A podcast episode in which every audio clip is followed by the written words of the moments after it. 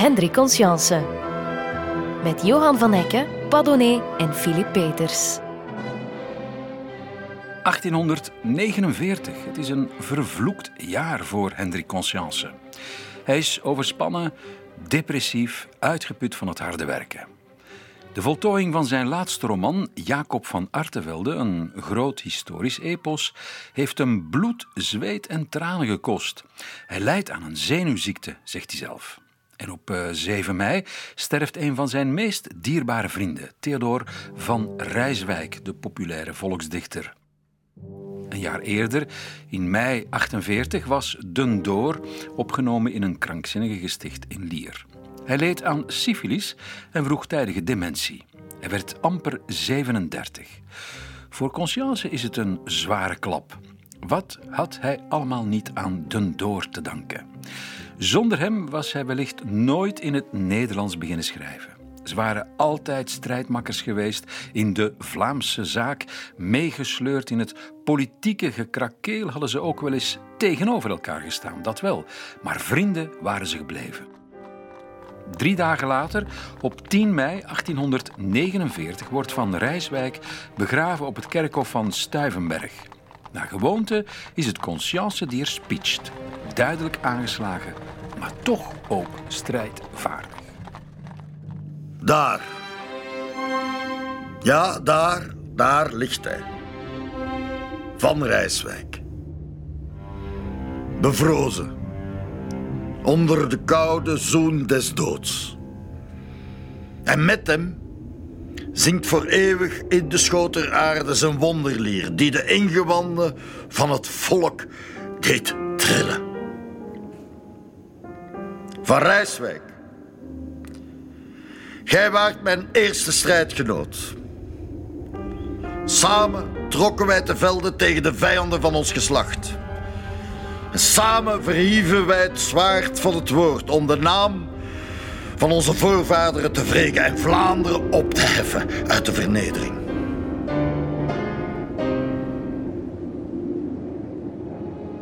Een dikke maand later krijgt Conscience alweer slecht nieuws. De gezondheid van zijn vader gaat er snel op achteruit. Pierre Conscience leed al lang aan een longziekte en men dacht eigenlijk dat die verbeterd was, maar die bleek uiteindelijk eh, erger dan ooit. Hè. Was echt een oude man geworden, vermagerd, uitgeput. Hij kon nauwelijks nog ademhalen en hij kon ook zijn aandacht heel moeilijk bij de gesprekken houden. Eh, vijf dagen lang heeft Hendrik aan het bed van zijn vader zitten waken en eh, ze hebben nog wat gesprekken gevoerd. Uh, in brieven die hij bijvoorbeeld ook aan Melchior van Diepenbrok schrijft, vertelt hij dat hij met zijn vader uitgebreid gesproken heeft over het doodgaan en het leven na de dood. Die verhalen van, van de moeder over de hemel van vroeger, die zijn duidelijk blijven hangen en die hebben ook hier dan toch een, uh, die, die, serene sfeer kunnen scheppen waarin uh, vader Conscience dan rustig is kunnen gaan. Ik zag mijn vader sterven. Maar zo zacht, zo vroom, dat de idee van die overgang naar een ander leven waarover ik met hem sprak, ons beide iets natuurlijks leek. Een goddelijk wilsbesluit waarbij onder gegeven omstandigheden het een geluk kan worden zich ernaar te moeten schikken.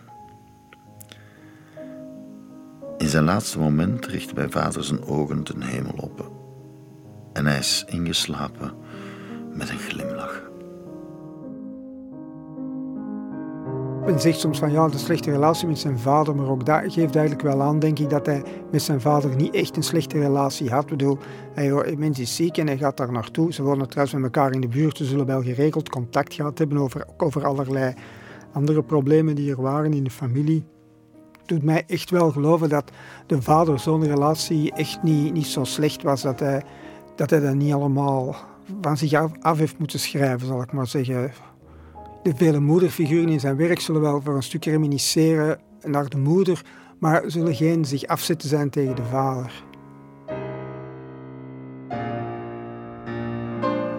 Ik heb hem omhelst. En het adieu dat ik me zo verschrikkelijk had voorgesteld, leek me alleen nog een oproep tot weerziens. Ik begrijp zelf niet wat voor balsem van troost deze scène in mijn geest heeft laten vloeien.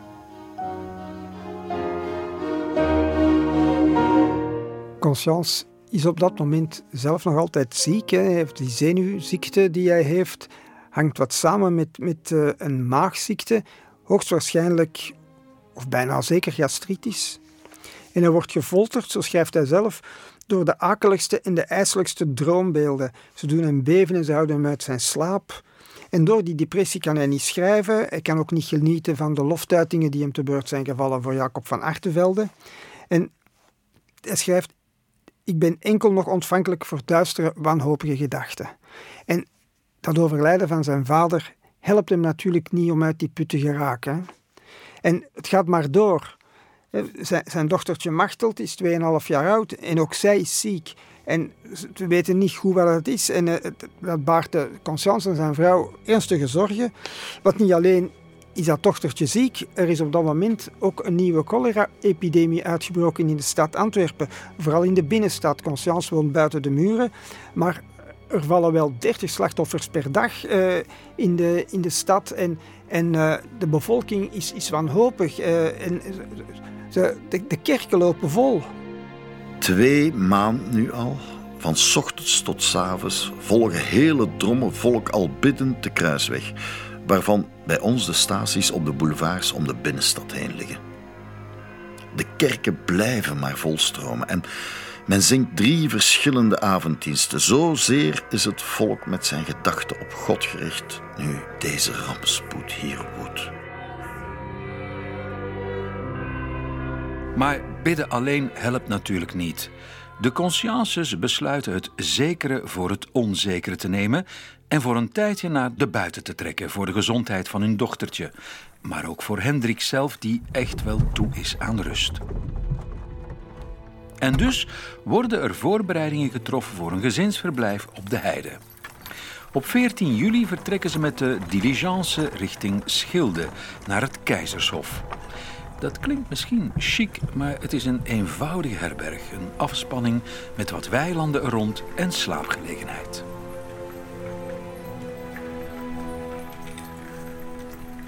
Als ze daar aankomen, krijgen ze een koude douche.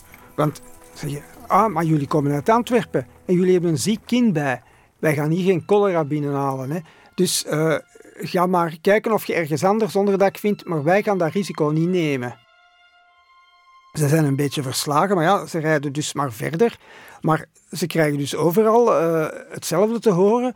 En uh, ja, tegen de avond zegt Conscience, ja, dan gaan wij maar terug naar huis, hè, want ja, dit is geen oplossing. Maar uh, ja, ze een hele dag rondrijden, je krijgt honger, dus ze gaan even terug langs het Keizershof en ze vragen, ja, oké, we, gaan, we gaan naar huis, maar we kunnen, toch, kunnen we niet even een stukje eten, want we hebben wel honger. En dan, ja, er is een, de dochter des huizes in het Keizershof die zegt tegen haar vader van ja maar allee, bedoel, je kent, de, de Henri nu al zo lang, je gaat die nu toch niet, niet buiten laten omdat dat kindje ziek is. Je ziet dat toch dat die geen cholera heeft. Hey, laat die hier toch blijven. En uh, ja, de uitbater zwicht dan uh, voor, uh, voor de smeekbeders van de dochter en laat Conscience blijven. En ze blijven uiteindelijk drie maanden in het Keizershof. Drie maanden is lang. Maar het is wel de tijd die ze nodig hebben om weer op hun positieve te komen. En dat gaat maar heel gestaag. Zo mag blijken uit een brief die hij aan zijn vriend Ferdinand Snellaert schrijft.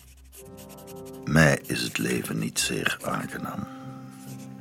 Ik doe niets. Nog schrijven, nog lezen. En lees volstrekt geen dagbladen. Ja, soms een klein blaadje in onze moedertaal. Af en toe voel ik me beter, doch zonder schijnbare oorzaak ontstelt zich dan eensklaps de maag en vervolgens het zenuwstel. Dit maakt mij uiterst melancholisch. Soms waan ik mij helemaal genezen. Ik zing en vervrolijk mij met degenen die mij omringen. Sanderendaags evenwel ben ik geen mens meer. Ik zal mij lange tijd nog met letterkunde, nog met de Vlaamse beweging bemoeien. Het doet mij wel pijn tot ledigheid en ondaad veroordeeld te zijn. Doch alles, lijf en geest, kan ervan afhangen. Ik moet gedwee buigen. ja, ledigheid en ondaad, het blijkt uiteindelijk een beetje relatief te zijn aan schrijven en, en vechten voor, de, voor uh, het Vlaams komt hij niet toe, maar hij gaat toch een keer of twee, drie per week naar de stad. Dat doet hij dan meestal ook nog te voet om zijn zaakjes in de academie op orde te houden. Want uh, Conscience is daar griffier, dat is zijn broodwinning. En het liberale stadsbestuur die houdt dat duo Wappers-Conscience heel goed in de gaten, want ze zouden die graag betrappen op onnauwkeurigheden en wanbeleid, zodat ze zouden kunnen ontslagen. Daarnaast is er ook nog de erfeniskwestie van zijn vader die geregeld moet worden. En ook dat is een ingewikkelde bedoeling. Maar als hij in Schilde is, dan probeert hij zoveel mogelijk te genieten van de natuur en hij maakt lange wandelingen over de heide. Dit schone oord waar de ziel in haarzelf terugkeert en rust geniet. Waar alles zingt van vrede en stilte waar de geest in tegenwoordigheid van Gods oorspronkelijke schepping de maatschappij vergeet en met hernieuwde jeugd opstaat uit zijn banden. Conscience heeft zo'n favoriete tocht in Schilde, waarbij hij in Schilde in de buurt uiteraard. Hij gaat dan overhalen, nevens een klein boshuis, door Zoerselbos, langs de hoeven aan de rand en zo naar Zoersel. En dan gaat hij altijd iets drinken in de bijl. Dat is een uitspanning die bij een gigantische eeuwenoude linde staat bij de Sint-Elisabethkerk. Ondertussen staat het er niet meer, maar ze hebben van het hout van de eik een, eh, een monument gemaakt. Het is daar, daar aan, die, aan dat Soerselbos en aan die hei dat hij zich echt eh, het, het best op zijn gemak voelt in de volle natuur. En het is, ja, dat is eigenlijk het moment dat de natuurschrijver Conscience geboren wordt. De natuurschrijver Conscience.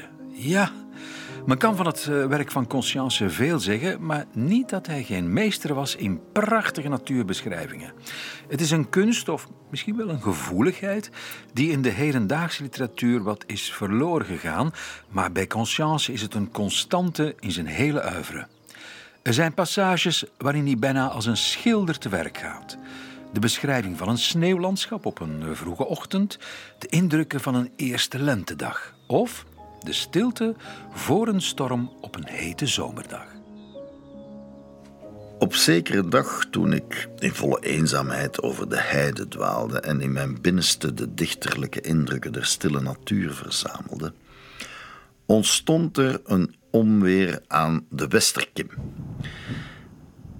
Het is iets wonderbaarlijks dikwijls iets ontzaglijks om in de hete zomer op een vlakte te zijn wanneer tegen de onbegrensde hemel de bliksemzwangere dampen langzaam tot orkaanwolken samenrollen.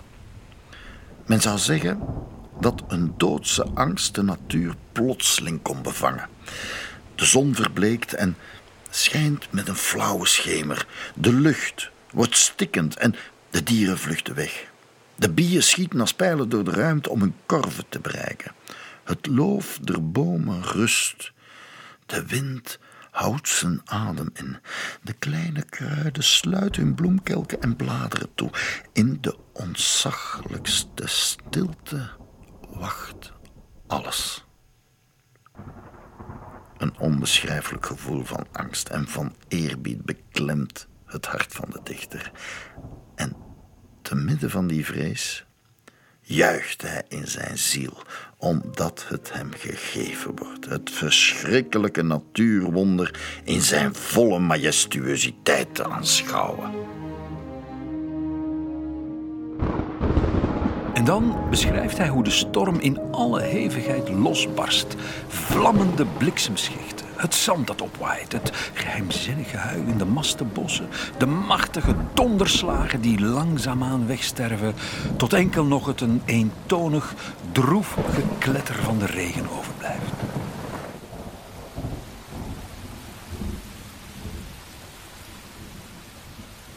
Een prachtige scène. Het is ook een scène uit het slothoofdstuk van misschien wel een van zijn beroemdste romans, De Loteling. Daarin vertelt Conscience dus hoe hij op een dag aan de rand van het Zoerselbos verrast wordt door een storm en snel een schuilplaats moet zoeken. Hij ziet een klein pachtershuisje staan waar hij gaat aankloppen. Hij wordt er door het gezin gastvrij ontvangen. En zo leert hij er Jan Braam en zijn vrouw Trien kennen. Het koppel waar het verhaal van de loteling om draait. Al zittend aan de haard vertellen ze Conscience hun verhaal. En omdat ik op dat ogenblik niets beters te doen had dan te luisteren naar de aardige dingen die de man met één oog en zijn vrouw me vertelden, was het eerst zanderendaags morgens dat ik de hoeve verliet.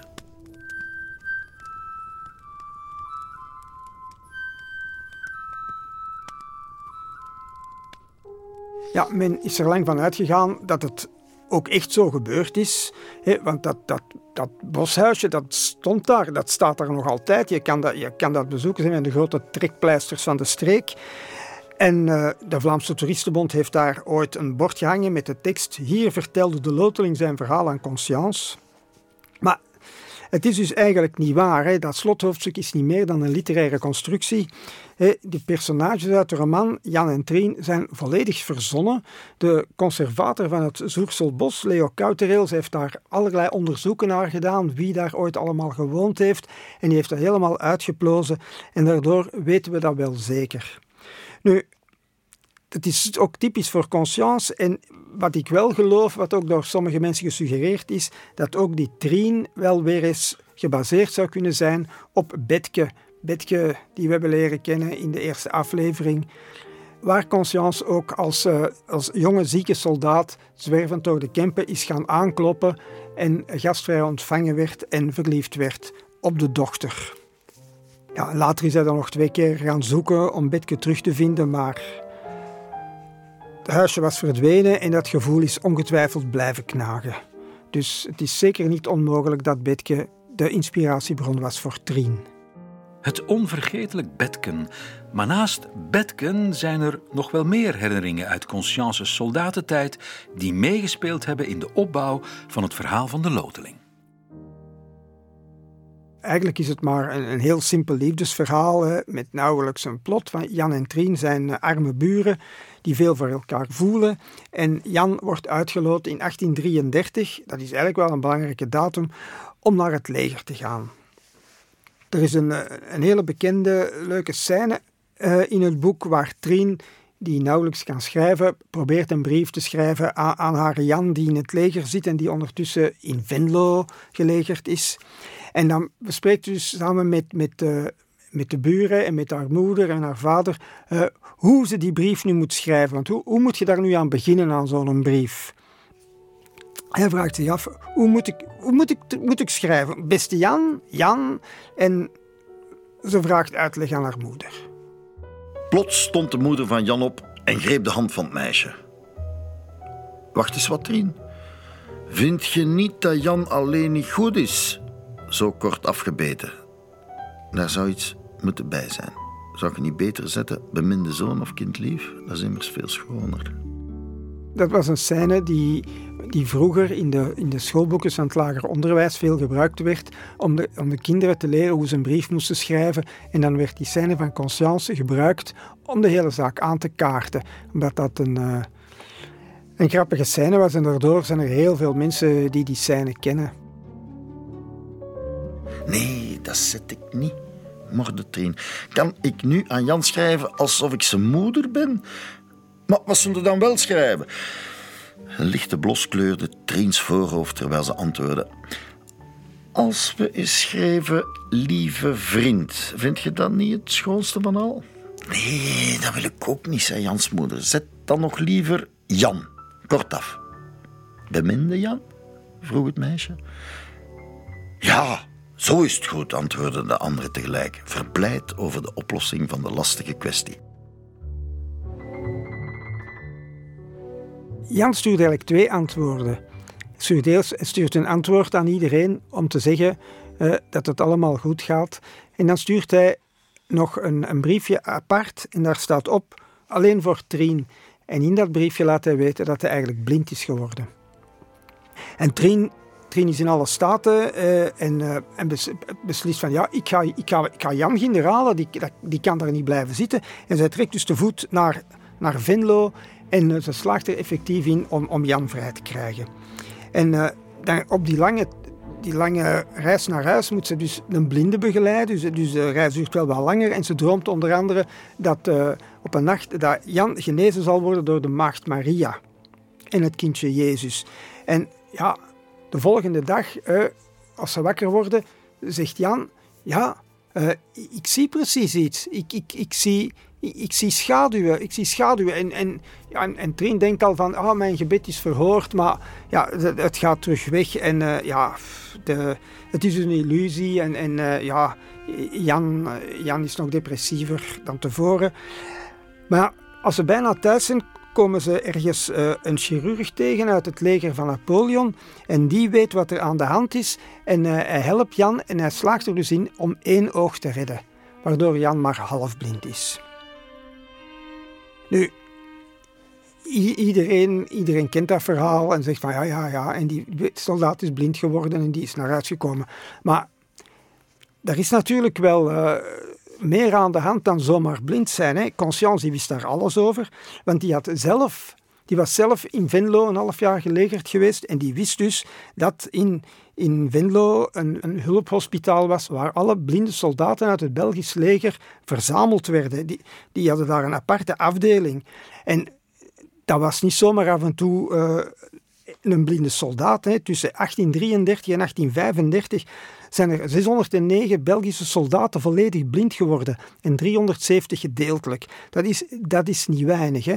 En dat ging eigenlijk om wat men nu noemt militaire oftalmie of trachoom. En dat was een besmettelijke ontsteking van het bindvlies van de oogleden was veroorzaakt door uh, chlamydia trachomatis, maar dat wist men in de tijd allemaal niet. Want het enige dat men wist, dat, was het, dat het via soldaten uit het leger van Napoleon meegebracht was uit Egypte. En zo een beetje over Europa verspreid. En uh, men wist dus niet echt wat er aan de hand was. En uh, in, uh, in regeringskringen en in de, bij de legerleiding ontstond er dus een hele discussie. Men begon navraag te doen. En ja, er waren twee opinies. Er waren er die zeggen van ja, maar dat is een virus. En er waren er anderen die zeggen nee, nee, dat is het uniform van de soldaten. En bij een aantal soldaten knelt dat op een aantal plaatsen en knelt dan een zenuw af. En daardoor worden die soldaten blind.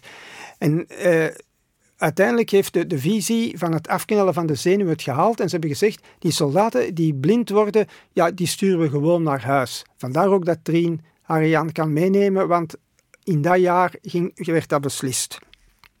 Maar het was dus een virus en ja, met alle gevolgen van dien, dus de ziekte werd dus verder onder het volk verspreid.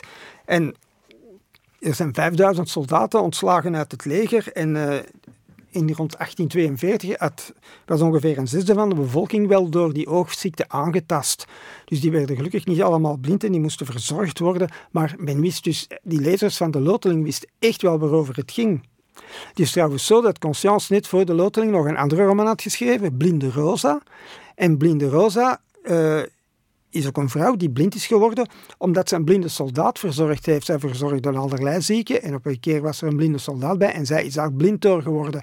Dus dat was ook al niet de eerste keer dat Conscience daarover schreef. Niet de eerste keer. Maar er is nog een reden waarom Conscience van die oogziekte zo'n groot thema maakt in zijn werk. Namelijk het feit dat op dat ogenblik een van zijn beste vrienden er ook door getroffen wordt. En die vriend is Judocus Dirksens, beter bekend onder zijn pseudoniem Eugène Zetternam. De naam zegt u misschien niet veel, maar hij is wel een van de boeiendste figuren uit de 19e-eeuwse Vlaamse literatuur. Hij was eh, de eerste die de miserabele werk- en leefomstandigheden van de Vlaamse arbeidersklasse beschreef. Dat deed hij in zijn roman Meneer Luchtervelde uit 1848. En over die miserabele leefomstandigheden kon hij zelf ook meespreken. Zetternam was dan wel afkomstig uit een welstellende familie, maar hij ziet het allemaal verdampen wanneer zijn vader, van beroep en letterzetter, veroordeeld wordt voor diefstal, de gevangenis in moet en vervolgens zelfmoord pleegt. Zijn pseudoniem verwijst op een wrange manier naar die gebeurtenis, Zetternam, de zetter die nam. Conscience had in 1845 voor het eerst met hem kennis gemaakt. Bij het verschijnen van Zetternams literaire debuut. Het was een eh, klein, onogelijk boekje met de titel Rona. Een fantastische legende. Conscience was er zo van onder de indruk dat hij hem thuis ging opzoeken. Zetternam en Conscience werden vrienden, een soort uh, bloedbroeders in de letteren en de Vlaamse zaak. Maar in 1847 moet Zetternam na zijn loting het leger in. En Conscience en een aantal andere schrijvers zijn toen een petitie gestart om te proberen hem uit het leger terug te halen, want ze vonden dat hij veel meer kon betekenen uh, als schrijver dan, dan in dat leger. En, en uh, ja, hij heeft zo'n tijdje in zo'n blinde kamer gezeten en, en zijn vrienden konden hem daar af en toe uithalen om eens te gaan wandelen met zo'n met een groen lichtscherm voor de ogen, dat ook Jan in de loteling draagt. Maar zijn ogen werden, werden wel terug beter. Hij heeft een tijdje gedaan alsof het niet was, in de hoop dat hij dan toch nog extra verlof kon krijgen. Maar nee, uh, dus uh, hij is in het leger gebleven en hij heeft wel af en toe nog een beetje kunnen schrijven toen. Hoe Eugène Zetternam en een verblijf in de Kempen de inspiratie bezorgde voor De Loteling. Maar De Loteling is niet de enige roman die hij aan dat verblijf in de Kempen zal overhouden. Conscience en de Kempen, we hebben de Loteling, maar we hebben natuurlijk ook Baas Gansendonk. Baas Gansendonk ook nog eens vereeuwigd in Lambiek. Lambiek die Baas Gansendonk speelt in de Gouden Ganzenveer van Willy van der Steen. En Baas Gansendonk, dat, ja, dat is een klassieker. Hè. Eh, dat is ook een verpersoonlijking geworden. Hè. Ja, ah, dat is nu een, echte, een echte Baas Gansendonk. Een man die uh, eigenlijk niet veel voorstelt, maar het wel heel hoog in zijn bol heeft en zich beter voelt dan de rest. Baas Gansendonk was een zonderling man. Ofschoon uit de nederigste dorpsbewoners geboren, had hij zich echter al vroeg gaan inbeelden dat hij van veel edeler stof gemaakt was dan de andere boeren. Dat hij alleen veel meer wist dan een ganse hoop geleerden tezamen. Dat de gemeentezaken in de war liepen en een kreeftegang gingen. Alleen maar omdat hij, met zijn groot verstand, geen burgemeester was. En vele andere dingen van die aard. En nochtans, de arme man kon lezen nog schrijven en had van de meeste zaken zeer weinig verstand. Tja, wie kent er geen baas Gansendonk in zijn omgeving? Een tragicomische figuur in feite. En ook is hij gemodelleerd naar iemand die Conscience goed gekend moet hebben. Conscience verbindt ook Baas Gansendonk weer met zijn legertijd en hij vertelt dat hij, dat hij als soldaat uh, uh, ingekwartierd was bij, in de uitspanning Sint-Sebastiaan tussen Hoogstraat en in Kalmthout en dat de, de, baas daar Per, per Gansendonk heette en dat hij kwaad was dat hij maar een gewone soldaat had gekregen om te logeren, terwijl hij, hij als chique cafébaas toch wel recht had gehad op een hogere officier of, of een generaal of zo. En, maar de soldaat Conscience hield zich daar bezig mee met, dat, met het dochtertje, eh, Lieske, het, kleine, dochtertje van, uh, van Gansendonk. En als hij dan vele jaren later, na zijn legerdienst, dat café terugziet, gaat hij daar binnen en dan informeert hij hoe het met, met Lieske is en dan blijkt dat zij gestorven is. Maar de kans is eigenlijk wel groot dat baas Gansendonk gewoon gemodelleerd is naar de uitbater van het Keizershof in Schilde. Die kans is eigenlijk veel groter. Na De Loteling en Baas Gansendonk volgen er nog meer Kemperomans. De Arme Edelman en Rikke Tikke Tak. Slim bekeken, want in commercieel opzicht zijn ze een schot in de roos. Niet dat Conscience er zelf veel aan overhoudt. Het levendeel van de opbrengst gaat immers naar zijn uitgever. Maar toch, de populariteit van Conscience stijgt naar een ongekende hoogte. En ook in de pers is men laaiend enthousiast. Zijn verhalen worden vergeleken met die van Dickens, in stilistisch opzicht zelfs met die van Hans Christian Andersen. In Nederland wordt een prijsvraag uitgeschreven voor een volksroman in de trant van De Loteling. De Franse vertalingen zijn zo populair in Wallonië dat schilders en tekenaars er voor hun schilderijen en illustraties hun onderwerpen aan ontlenen. Ook in Duitsland worden ze een waanzinnig succes. Eigenlijk zette Consciences Kempische romans de Vlaamse literatuur voorgoed op de kaart. Ze zorgen ervoor dat er in Vlaanderen een echte leeshonger ontstaat. En de andere Vlaamse schrijvers varen er allemaal wel bij. Zij zien de oplages van hun boeken vertienvoudigen. Een groot succes dus, jawel, met een enorme impact, jazeker. En toch zijn het net die Kempische romans waarvoor hij veel later nogal wat kritiek zal te verwerken krijgen. Hij krijgt zo bijvoorbeeld het verwijt de realiteit te verbloemen. Dat hij de boeren in zijn dorpsnovelles veel te lieflijk voorstelt. Zo gaat er het er helemaal niet aan toe op het platteland, zeggen zijn kritiekasters. Het boerenleven is veel harder.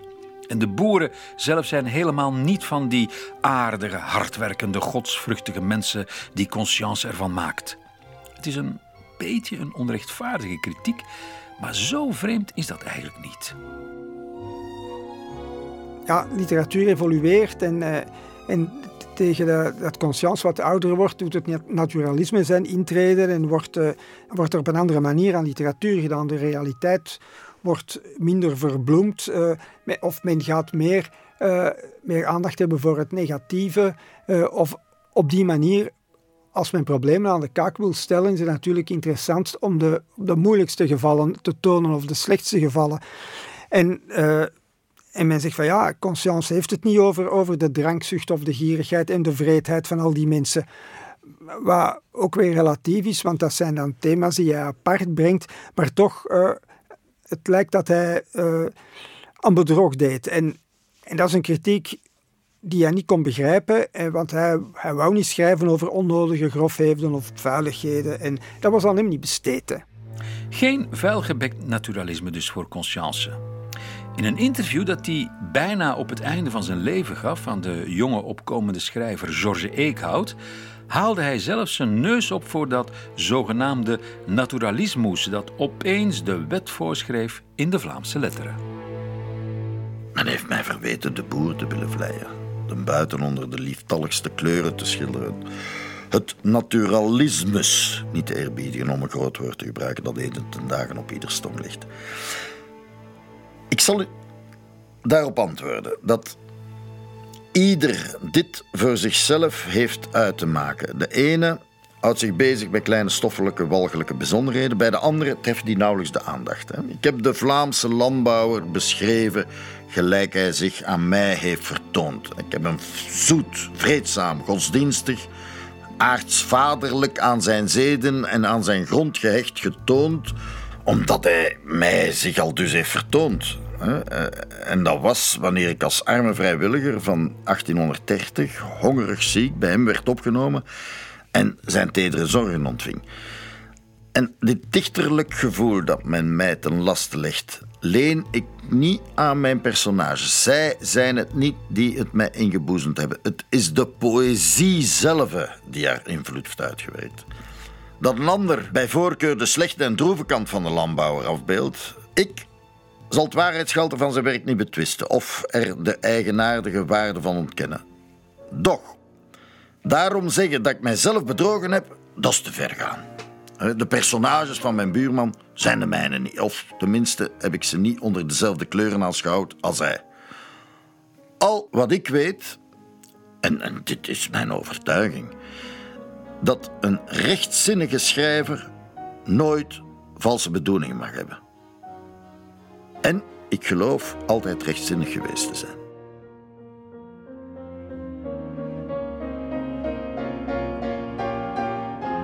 De rechtzinnige Hendrik Conscience over de kritiek op zijn dorpsnovelles. Maar daarmee zijn we wat vooruitgelopen op ons verhaal.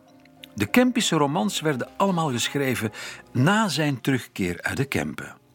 Voorlopig zit hij nog daar in het Keizershof in Schilde en neemt hij raar of zelden de pen ter hand.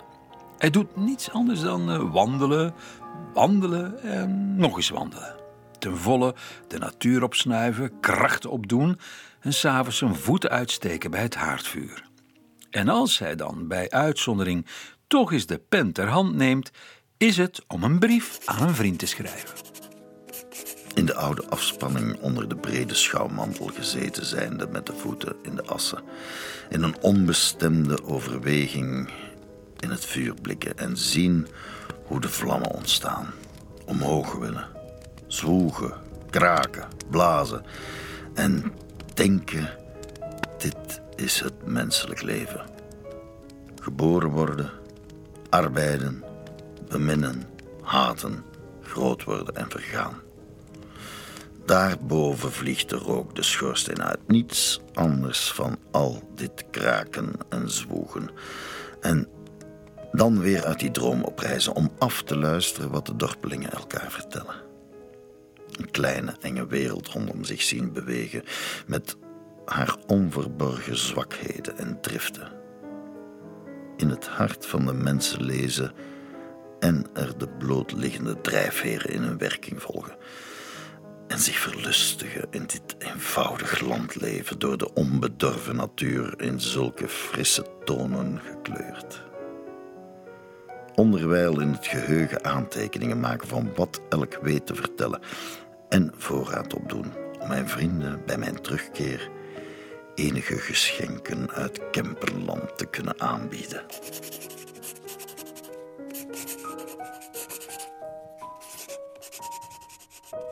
Die geschenken uit het Kemperland noemt hij ook wel eens zijn Kempische kraansjes. En dat zijn natuurlijk de romans die hij op dat moment aan het voorbereiden is in zijn hoofd. Het zal pas in oktober zijn dat hij meer dan drie maanden daar in het Keizershof gewoond heeft, dat hij zich mentaal weer voldoende in orde weet om terug te beginnen schrijven. En ook fysiek gaat het al wat beter, hoewel hij nog niet van alle ongemakken verlost is. Dit verblijf heeft mijn zenuwen gestild en mij, om zo te zeggen, genezen. Mij blijft nu niets over dan voorbijgaande maagpijnen en een grote onstelbaarheid ter ingewanden. Ik begin te hopen dat deze ziekte mij met de tijd verlaten zal. En heb deze dagen reeds gepoogd mij met enige letterkundige arbeid bezig te houden.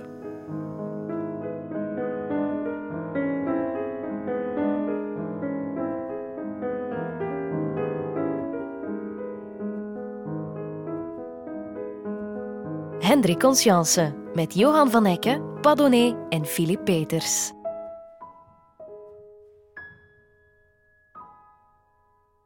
Conscience voelt zich dus aangesterkt. Vol moed en energie keert hij terug uit de Kempen en begint te schrijven aan zijn Kempenromans. Maar daarnaast wil hij zich ook weer ten volle in de Vlaamse strijd werpen. De vraag is alleen hoe.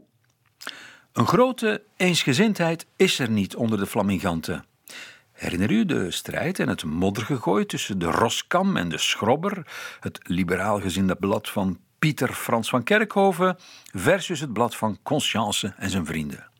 Dat was alles behalve een fraai schouwspel en uh, de Vlaamse zaak had het al zeker geen goed gedaan. De grote broedertwist was geëindigd met het ontslag van Conscience, De Laat en Vleeshouwer uit de Olijftak, de Antwerpse vereniging waaruit de eerste Vlaamse ideeën waren ontsproten. Maar wat nu? Het ligt eigenlijk een beetje voor de hand. Er is namelijk nog een vereniging in Antwerpen die zich bezighoudt met de belangen van de moedertaal.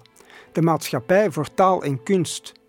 Conscience had ze nota bene zelf mee opgericht in oktober 46 als koorvereniging, nadat hij uit de Scheldezone was gestapt. Na zijn ontslag uit de Olijftak was Conscience er ondervoorzitter geworden en de vereniging had toen zijn uh, werking gevoelig uitgebreid. Sindsdien vergaderen ze elke twee weken in een lokaal in de Kaasstraat. Ze organiseren concerten, liederavonden, declamatieavonden, lezingen, tentoonstellingen. Conscience komt geregeld voorlezen uit eigen werk en het ledenaantal blijft maar groeien. Voor het grote toon- en letterkundig feest van 22 januari 1851 moet men zelfs uitwijken naar de concertzaal van het Théâtre des Variétés. Zoveel volk wordt er verwacht. En Conscience houdt nog eens een echte redenvoering. Het is drie jaar geleden dat hij nog eens op het podium van een Vlaamse maatschappij zijn medestanders heeft toegesproken. En zijn onderwerp? De miskenning der moedertaal.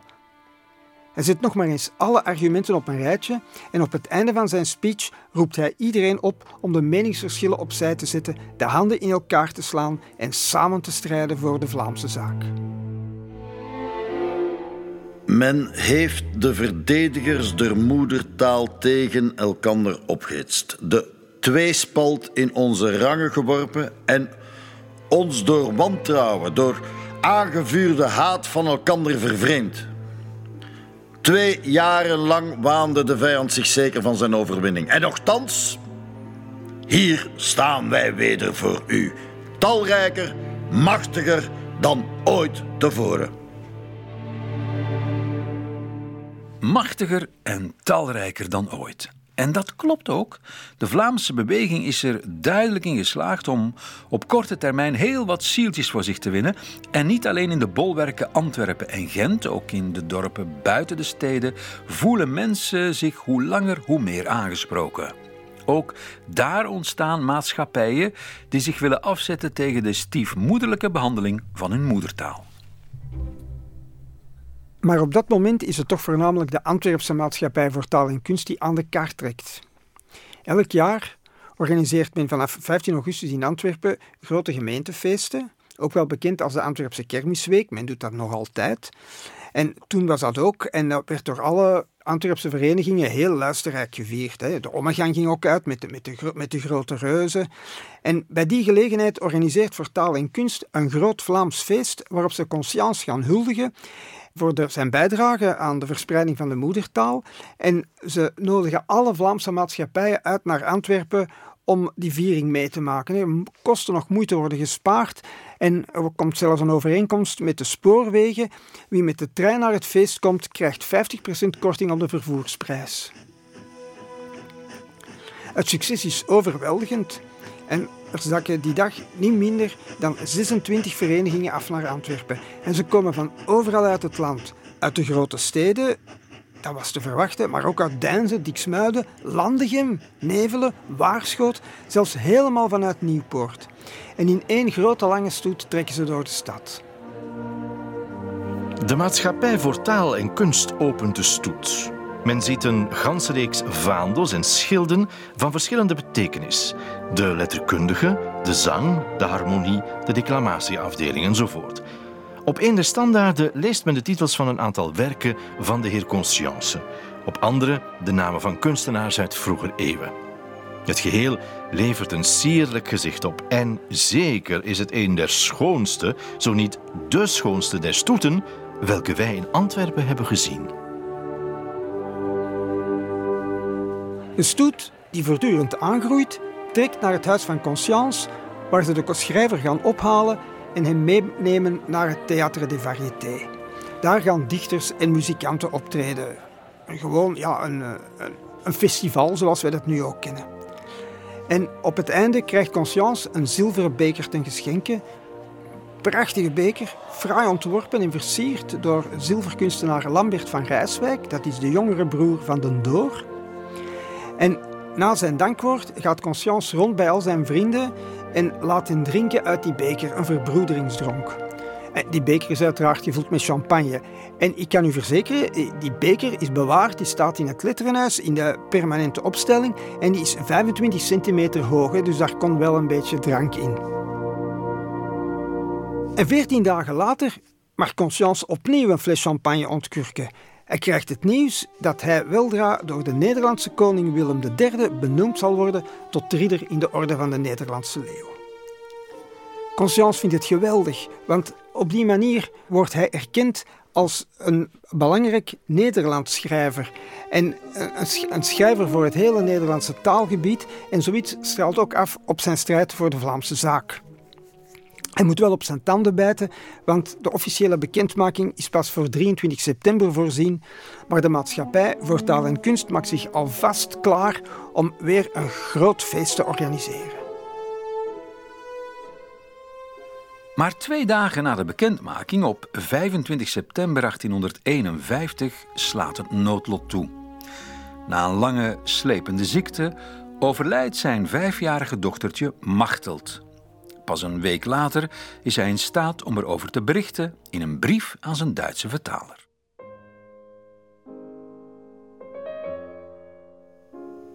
Ik ben deze dagen door ellende getroffen.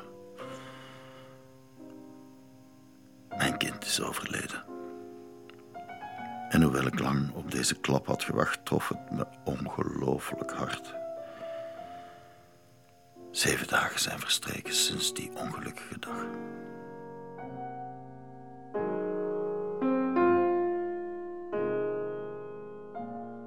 Conscience bekommert zich in de eerste plaats om zijn diep bedroefde, ontroostbare vrouw. Maar negen dagen later vinden de vieringen alsnog plaats. In feeststemming zal hij wel niet geweest zijn, maar niettemin staat hij met open mond te kijken naar wat men voor hem heeft georganiseerd.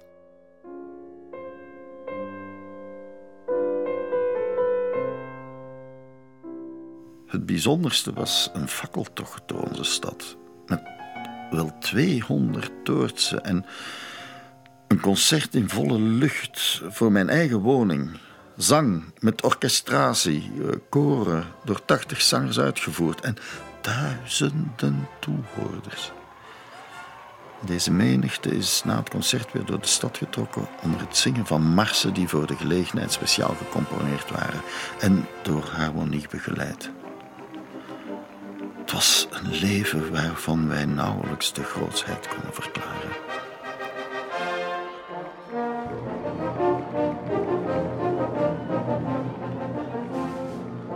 Al, al die groots opgezette feesten ter van conscience, je kan je er ook wel vragen bij stellen. Oké, eh, zijn literaire verdiensten, dat staat buiten kijf. Maar, en, en je mocht er ook voor gehuldigd worden enzovoort. Maar het wordt altijd zo'n spektakelstuk en het moet ook handenvol geld gekost hebben. Oké, Antwerpen is een rijke stad, maar, maar toch, uh, het, het, het lijkt wel overdreven. En er staat ook iets te gebeuren waarbij je nu kan gaan afvragen of al die feesten een voorbereiding waren op die gebeurtenis, of dat die gebeurtenis het gevolg is van die feesten. Ik denk persoonlijk het laatste. Want eind oktober zijn er namelijk gemeenteraadsverkiezingen en vanuit de vijfde wijk, die buiten de stadswallen ligt en waar Conscience woont, wordt hij voorgedragen als kandidaat. Want er mag een extra kandidaat gekozen worden. En er zijn tien, tien Vlaamsgezinde Antwerpse maatschappijen die besluiten om zijn kandidatuur te ondersteunen. En ze gaan zich verenigen in een burgerpartij onder de naam de Verbondene Vlaamse Maatschappijen. Ze hebben er dus wel ook alle baat bij dat zijn persoon zoveel mogelijk onder de aandacht komt. Nu, voor alle duidelijkheid. Bij verkiezingen ging het er toen helemaal anders aan toe dan vandaag. Om te beginnen waren er al geen partijlijsten. De kandidaten hadden natuurlijk wel een bepaald politiek profiel, werden ook gesteund door liberale of katholieke groeperingen, maar ze kwamen op onder eigen naam. Het was ook nog de periode van het Seins-kiesstelsel, waarbij het stemrecht afhankelijk werd gemaakt van het bedrag belastingen dat men betaalde. In 1848 kwam dat neer op slechts 3% van alle Belgen. Er waren geen partijlijsten, maar verschillende groeperingen steunden een aantal kandidaten die dan respectievelijk gesteund werden door de liberale of katholieke groeperingen. Conscience wint zich tot geen van beide partijen te bekennen, maar hij wordt dus wel vooruitgeschoven door een nieuwe Vlaamse burgerpartij, hoewel die op dat ogenblik nog geen enkele concrete vorm heeft, laat staan een bestuursorgaan. Zijn verkiezingsbeloftes die zijn klaar en duidelijk. Hij wil de belangen van alle burgers behartigen en het enige wat hij daarbij verder nog voorop stelt, dat is de verdediging van de moedertaal en van de kunsten. Indien mijn stadsgenoten hun keus op mij laten vallen, zie ik het als mijn plicht om de algemene belangen der handeldrijvende en werkende burgers te behartigen. Onze moedertaal als enig middel tot eigen volksbeschaving te doen eren en ze in haar ontwikkeling te ondersteunen en ze desnoods met moed te verdedigen. Ik wil de vaderlandse kunsten in al haar geledingen voorstaan en waar het mogelijk is tot haar bloei en voorspoed bijdragen. Over alle andere voorkomende zaken zal ik volgens eigen inzicht oordelen, volgens burgerrecht en burgerplicht. Andere verplichtingen of verbintenissen van welke kant ze ook mogen komen, aanvaard ik niet. De moedertaal en de kunsten, daar draait het om bij hem. Dat is zijn beginselverklaring. Nu Conscience zijn instelling heeft gebracht, gaat het liberale partijbestuur meteen in de tegenaanval. In allerlei pamfletten wordt hij overladen met laster. Hij krijgt uiteraard ook wel wat steun, maar daarnaast krijgt hij opnieuw die verpapsing van het wonderjaar op zijn bord. Zijn hengelen naar ridderorders en bekroningen. Uh, zijn niet uitgeoefend ambt als leraar van de prinsen. Het komt allemaal terug. Er wordt ook beweerd dat hij opgeroepen zou hebben tot geweld bij een vergadering voor kiezers in Hotel Rubens. Conscience heeft daarvoor zelfs klacht ingediend bij de procureur. Er wordt ook gezegd dat hij oneervol gedegradeerd is uit het leger. En dat hij zijn moeder geslagen heeft, zijn vader naar het leven gestaan heeft, dat hij geen hart heeft voor vrouwen en kinderen, dat hij altijd in de kroeg zit. Ik heb een getuigenis gevonden van Max Roses, een van de latere leiders van de Vlaamse beweging, die zich die verkiezingsstrijd nog heel goed herinnerde. Ik herinner mij nog dat ik als kind stond te gapen naar spotprenten, op de hoeken der Antwerpse straten aangeplakt. En tegen conscience gericht, die zo walgelijk waren dat de politie ze moest doen afscheuren. Maar zoals gezegd, Conscience wordt natuurlijk ook wel gesteund. Ook de vrienden van Conscience zijn hevig in de weer. Eugène Zitternaam op kop. Zitternaam spreekt, uh, schrijft krantenartikels, uh, schildert plakaten. En August Nieders, de hoofdredacteur van het Handelsblad, verdedigt Conscience in zijn krant. De grote man waarop de tegenpartij het gemunt heeft, is Conscience. Waarom? Omdat ze bang voor hem is, als redenaar, als man van de burgerklas, als Vlaming. Een man die door gans Europa bewonderd wordt, door vier koningen gedecoreerd. De man der kliek en hun kleine hondekens bassen vruchteloos tegen zulke naam en tegen zulke verdiensten. Alle manmoedige woorden van August Snieders ten spijt geraakt Conscience toch niet verkozen. 1389 stemmen krijgt hij achter zijn naam, maar dat zijn er 114 minder dan de liberale kandidaat. Een zware nederlaag is het niet, maar toch ook uh, geen nipte. Het verlies is ten dele te verklaren doordat Consciences achterban, de kleine burgerij, zich niet zo gemakkelijk heeft kunnen vrijmaken om zich met de twee ballotages erbij vijf keer naar het stembureau te begeven. Voor de gefortuneerde liberale groothandelaars was dat uiteraard geen probleem. Toch spreekt de pers volop over de opkomst van een Vlaamse burgerpartij. En dat mag ook wel blijken wanneer s'avonds veel sympathisanten afzakken naar de zaal van Voortaal en Kunst om het succes van de nieuwe partij te vieren. Want Conscience was misschien wel niet verkozen, maar bijna alle kandidaten die zij ondersteund hadden, waren wel verkozen.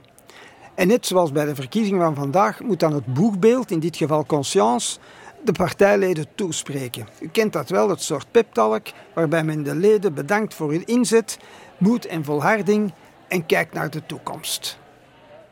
Beste mensen, we hebben niet van de eerste keer getriomfeerd. Maar het valt niet te betwijfelen dat wij een grote bres hebben geslagen in het Fransgezinde machtsbastion. Dat wij na een reorganisatie volgende keer de zegepraal kunnen behalen.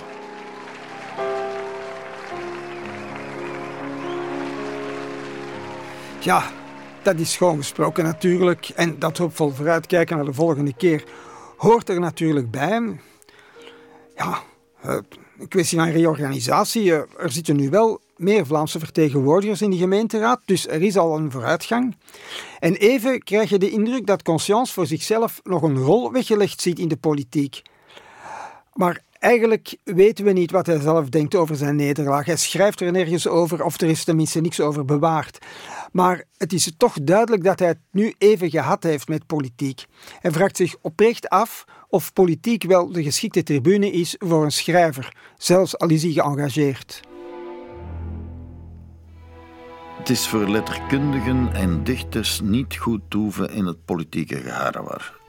Wij kunnen maar moeilijk onze wil geheel ondergeschikt maken aan de eisen van eengezindheid. Wij zijn en blijven onafhankelijk, zelfs als wij het anders zouden willen. Geen wonder dus dat wij vroeg of laat onvermijdelijk in het moderantismus moeten vervallen. Convictie betekent in de politieke taal tot alles gereed zijn en blindelings gehoorzamen wanneer er verkondigd is dat het belang van de partij het vereist. Wij begrijpen die afstand tot onze eigen overwegingen niet.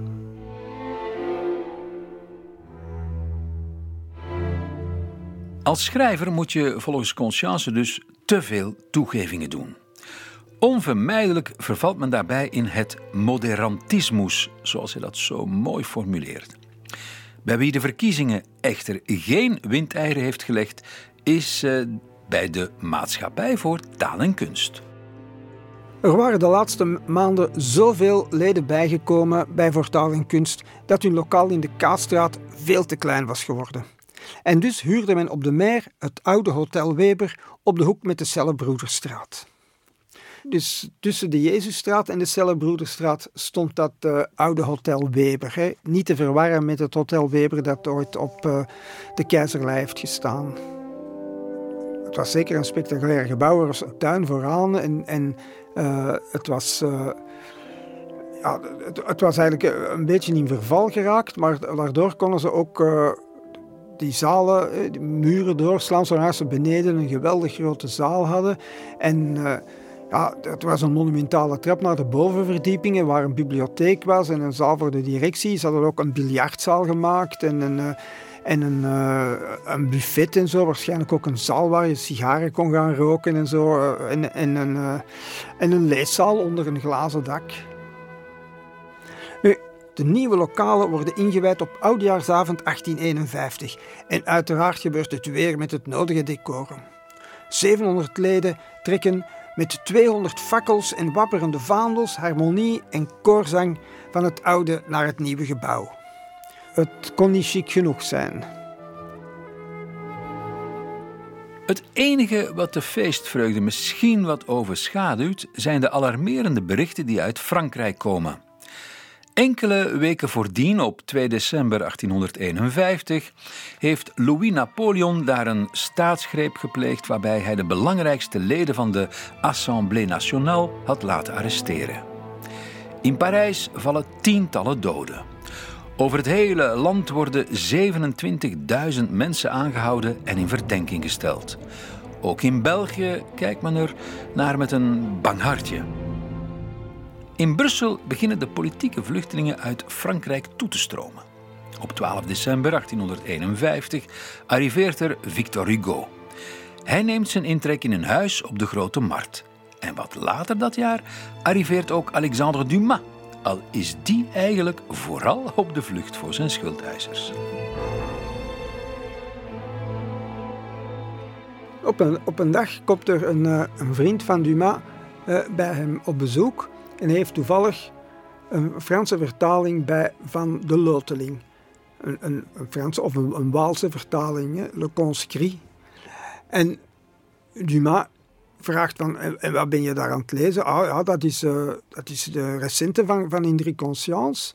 Ah, Conscience, heb ik nog nooit van gehoord, zegt, Dumas. Ah ja, maar dat, is, dat, is, uh, dat is onze populairste schrijver hier in Vlaanderen. En uh, ja, die, die verkoopt goed. Die, ja, ja. Hij zegt, uh, Dumas, ik geef eens hier. En hij begint daarin te lezen. En hij zegt van, oh, maar... maar dat is, wat, dat is wat, een sobere stijl, leest zeer aangenaam.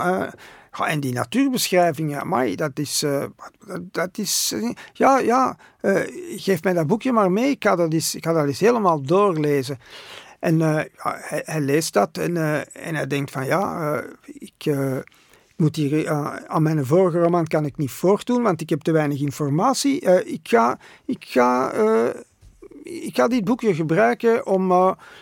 Ik, kan daar iets nieuws van maken.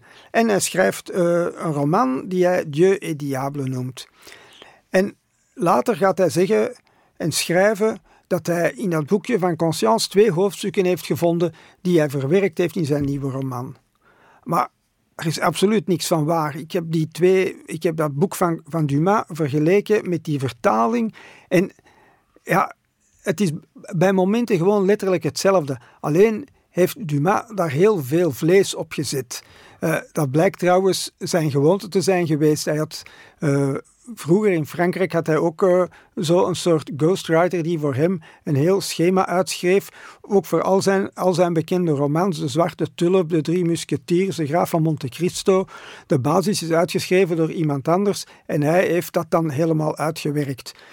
Een soort tweemanschap. Nu, het kwam hem goed uit, want die, die medewerker die daar destijds ook goed voor betaald werd, maar wiens naam altijd in de coulissen bleef, die had beslist van uh, niet meer met Dumas samen te werken. Dus nu had hij hier een, uh, een, uh, een mooie aangelegenheid. En hij verplaatst gewoon het hele verhaal van, van de loteling naar het Frankrijk van Napoleon.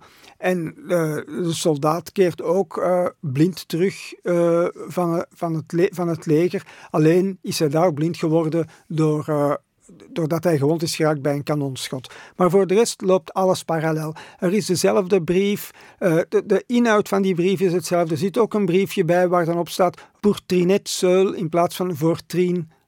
Allee, ja, het, is... Uh, ja, het is eigenlijk te grof, te grof voor woorden. En de vrienden van Conscience, die, die het verhaal hebben gezien dat ondertussen in, in feuilleton verschenen is een van de kranten, zeggen van ja, maar dat kun je toch niet laten gebeuren. Je moet de confrontatie aangaan met Dumas, want hij, hij heeft u gewoon overgeschreven. Dat kan toch niet, maar Conscience wil daar, wil daar niet op ingaan. En uh, ondertussen verschijnen er al officiële versies van die roman. Wat ook nog straf is, uh, als de, eerste officiële versie uh, verschijnt, heet de hoofdfiguur ook heet Jean Manscourt en heeft als bijnaam Conscience. Vandaar dat de roman in de definitieve versie zal verschijnen onder de titel Conscience l'innocent. Nu, Dumas had de bui al voelen hangen, en, uh, want die was er uiteraard zelf al op aangesproken. En bij wijze van autorisatie uh, staat er in die eerste druk van Conscience l'innocent een brief af, afgedrukt aan de uitgever waarin Dumas verklaart dat hij voor het boek gebruik gemaakt heeft van de mooiste hoofdstukken uit de loteling van Conscience en dat hij dat gedaan heeft ook als eerbetoon aan de schrijver en ook daarom zijn hoofdpersonage Conscience heeft genoemd.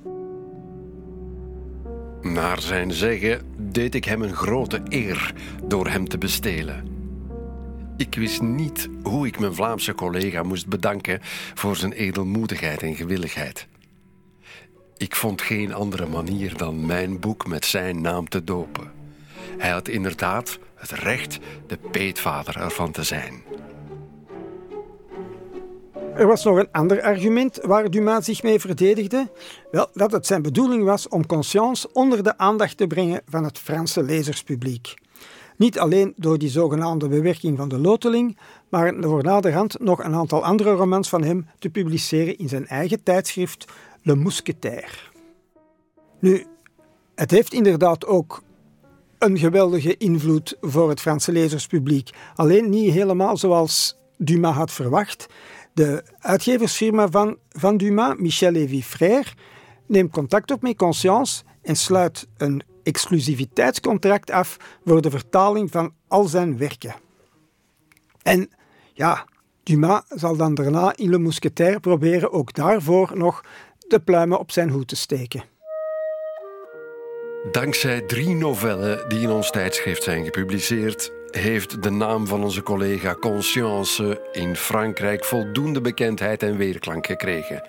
Zodat monsieur Michel Lévy van hem niet alleen de rechten heeft gekocht van alles wat hij tot nu toe heeft geschreven, maar zelfs van alles wat hij in de toekomst nog zal schrijven. Onze lezers zullen erbij verliezen, want de loteling zal de laatste vertaling van Conscience zijn die wij hun kunnen geven. Maar wat zij niet meer zullen vinden in hoofdstukken van onze kolommen, dat zullen zij vinden in boeken in de boekhandel van de Rue Vivienne. Opnieuw een goede daad en een slechte zaak die Le Mousquetaire doet. Ja, een slechte zaak voor Le Mousquetaire, maar een gouden zaak voor de Parijse uitgever Michel Lévy. Tussen 1856 en 1888 zou hij zo'n 680.000 boeken van Conscience verkopen.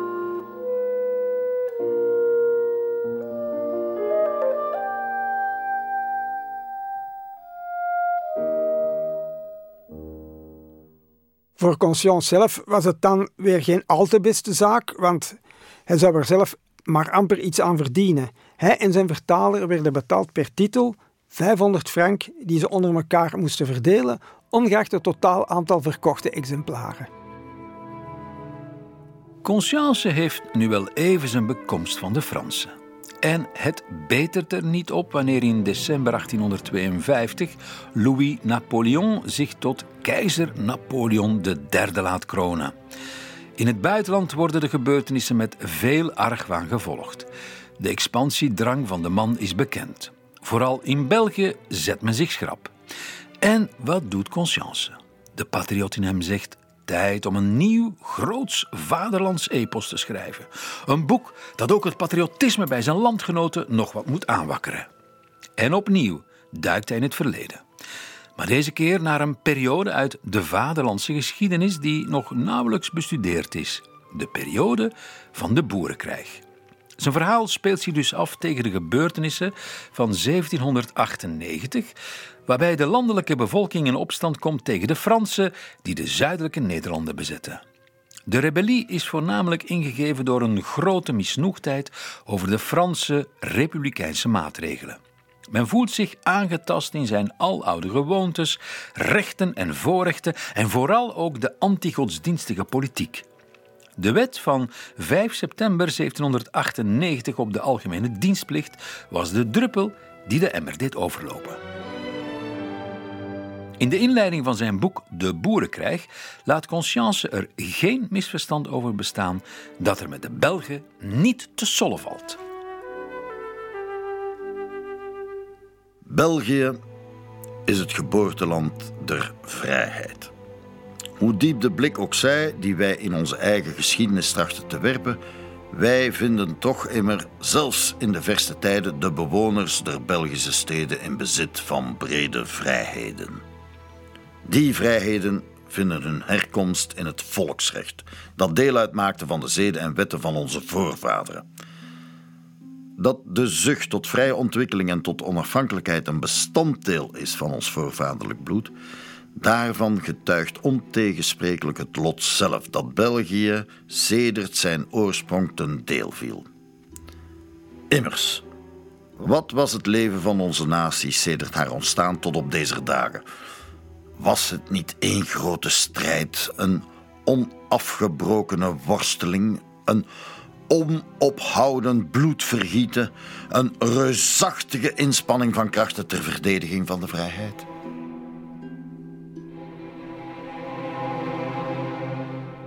Ja, dat is duidelijk een verwittiging aan het adres van Napoleon III. En het succes van zijn nieuwe grote epos, De Boerenkrijg, is gigantisch, ook in het buitenland. De roman wordt geprezen als een van de sterkste literaire producten sinds het ontstaan van België.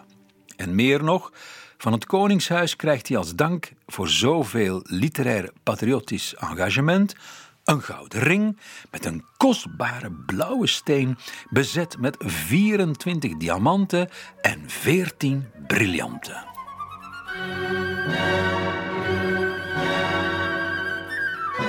Ja, Conscience ligt nog altijd in de bovenste schuif bij het Koningshuis. En daar besluit voor taal en kunst op in te zetten. In april 1853 worden in Antwerpen namelijk grootse feesten georganiseerd ter gelegenheid van de 18e verjaardag van de kroonprins. De stad wil de touwtjes in handen houden en besluit geen subsidies aan maatschappijen te geven. Toch zet voor taal en kunst weer iets groots op touw met activiteiten gespreid over vier dagen. En het belangrijkste onderdeel van die festiviteiten is opnieuw een toon- en letterkundig feest op 8 april in aanwezigheid van de prins. Er wordt een groot lyrisch zangstuk opgevoerd genaamd De Hoop van België op tekst van Conscience. Er wordt zelfs een standbeeld onthuld van de toekomstige Leopold II. En op het einde van de avond mag Conscience het woord nemen. Hij mag de toekomstige koning Leopold persoonlijk toespreken. Het wordt één grote ode aan de vader van de prins, Leopold I. Een en al bewieroking. Het was onder zijn bewind dat het dierbare vaderland België helemaal tot volle ontplooiing gekomen was. En iedereen was er wel bij gevaren: de boeren, de arbeiders, de mijnwerkers enzovoort. Zingend doorploegt de landman zijn dierbare grond. De steden overdekken zich met wolkenrook. De nijverheid vervult de lucht met de zwoegende aseming van het stoomtuig. De schoot van de aarde wordt doorwoeld. Moedige werkers dalen bij duizenden in onpeilbare diepten. De Belgische bodem spuwt bergen vuurstof en metaal. De ziel van de arbeid en onze welvaart.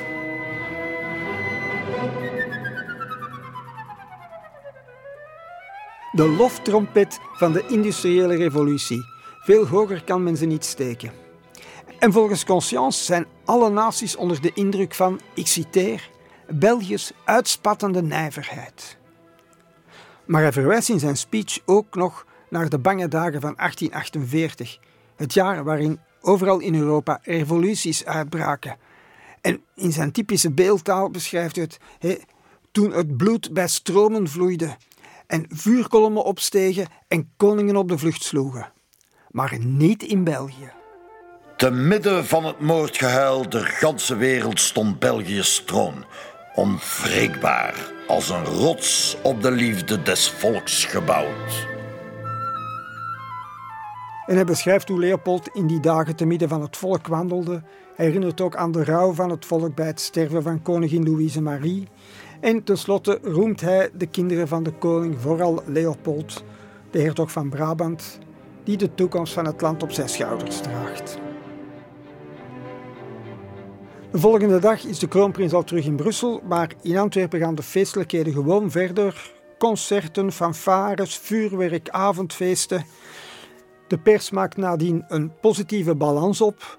Alleen het handelsblad uit kritiek omdat de officiële plechtigheden van het staatsbestuur uitsluitend in het Frans waren. En dat zat de Flaminganten meer dan dwars. En in feite heeft Conscience het op dat ogenblik ook helemaal gehad met het Franstalige liberale stadsbestuur.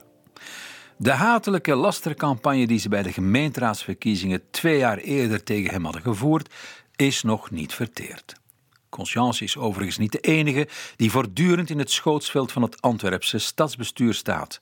Ook tegen Gustaaf Wappers, nog steeds directeur van de Antwerpse Academie, wordt permanent campagne gevoerd.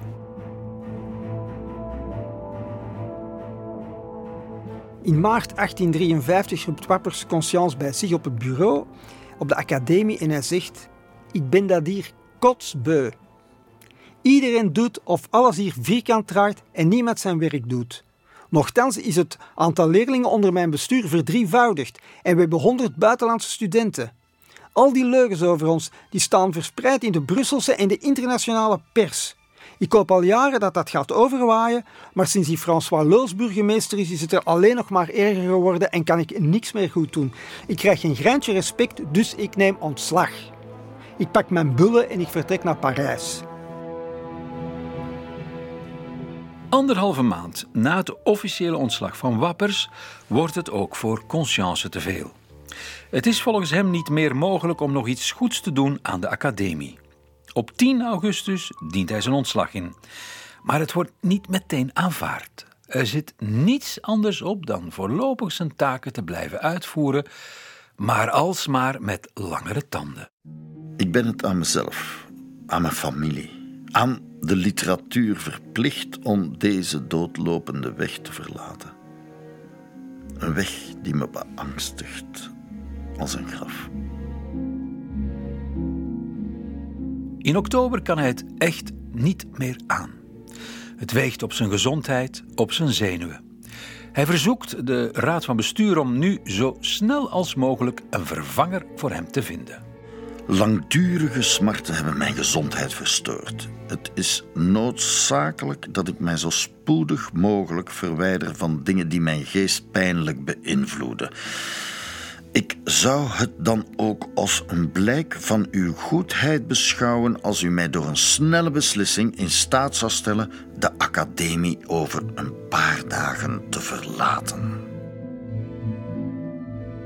Uiteindelijk zal het tot april van het volgende jaar duren vooraleer hij de toestemming krijgt om de academie definitief te verlaten. De vraag is alleen, wat nu?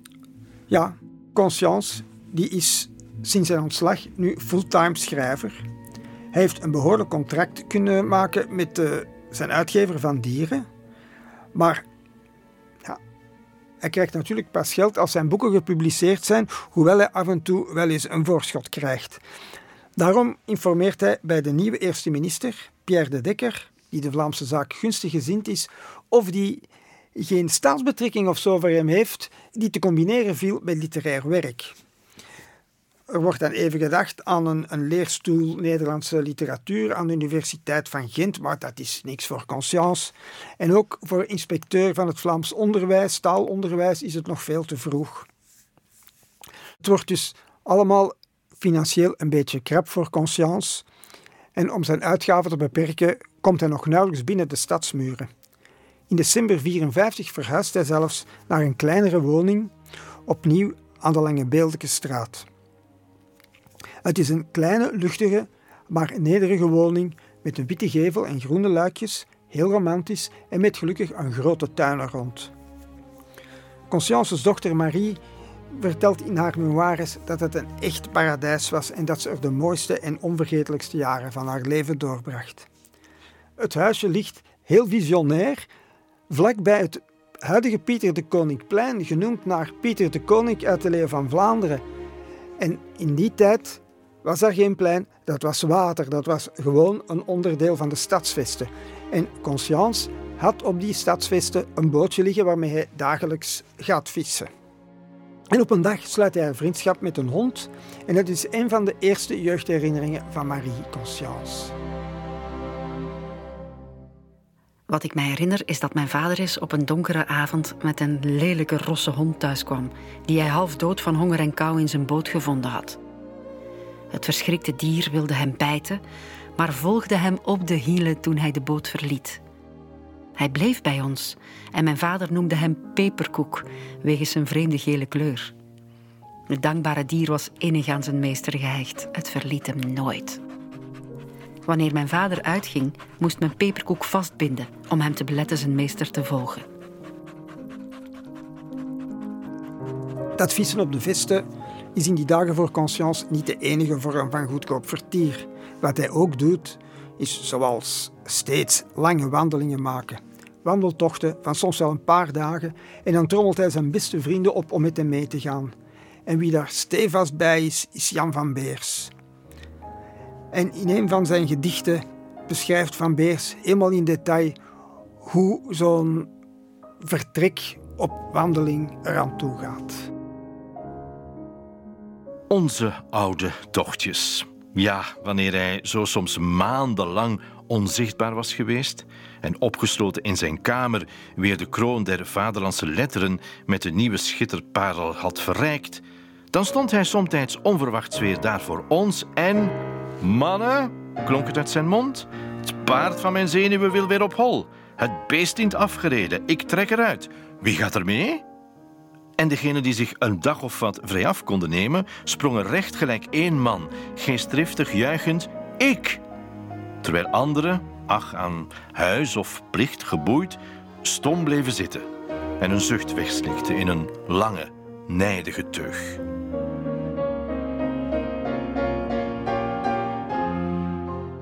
Die legendarische tochtjes waarbij Conscience het paard van zijn zenuwen kan laten draven, levert hem trouwens ook stof op voor nieuwe romans. Zo publiceert hij in februari 1855 de roman De Plaag der Dorpen. De inspiratie had hij opgedaan tijdens een tochtje met Jan van Beers naar diens geboortedorp Houwaard. Daar had Conscience met de plaatselijke pastoor gesproken, die hem allerlei verhalen had verteld over hoe zijn parochianen ten onder waren gegaan aan de drangduivel. De Plaag der Dorpen is dus een roman over de kwalijke gevolgen van de dronkenschap, waarin hij de Jenever beschrijft als een vrede moordenaar die het hoofdpersonage Jan Staes inderdaad fataal zal worden. Ondanks de verwoede pogingen die hij onderneemt om te stoppen met drinken, bezwijkt hij telkens weer. De keel van een zwelger is een vat zonder bodem, schrijft Conscience. Met open mond en jagende borst hield Jan Staars de ogen op de fles gericht. En bevend zei hij: Genever. Ha, dood zijn. Niks meer weten, niks meer lijden. Drinken, drinken en daar neervallen zonder reden, zonder ziel. Vuur door mijn lichaam voelen vlieten. Rijk, gelukkig, trots en sterk zijn. Alles vergeten. Alles. Het is geen toeval dat Conscience een roman wijdt aan dit thema. Vanaf de jaren 1840 wordt het drankverbruik ervaren als een groeiend probleem. Er wordt gesproken over een ware alcoholplaag. Je ziet ook de eerste matigingsbewegingen ontstaan, voornamelijk binnen de katholieke zuil. En hoewel het probleem voorkomt in alle lagen van de maatschappij, zijn het vooral de arbeiders die met de vinger worden gewezen. Er wordt ook enkel op jenever gefocust, terwijl bier en wijn buiten schot blijven. Alcoholisme is een thema dat Conscience nauw aan het hart ligt.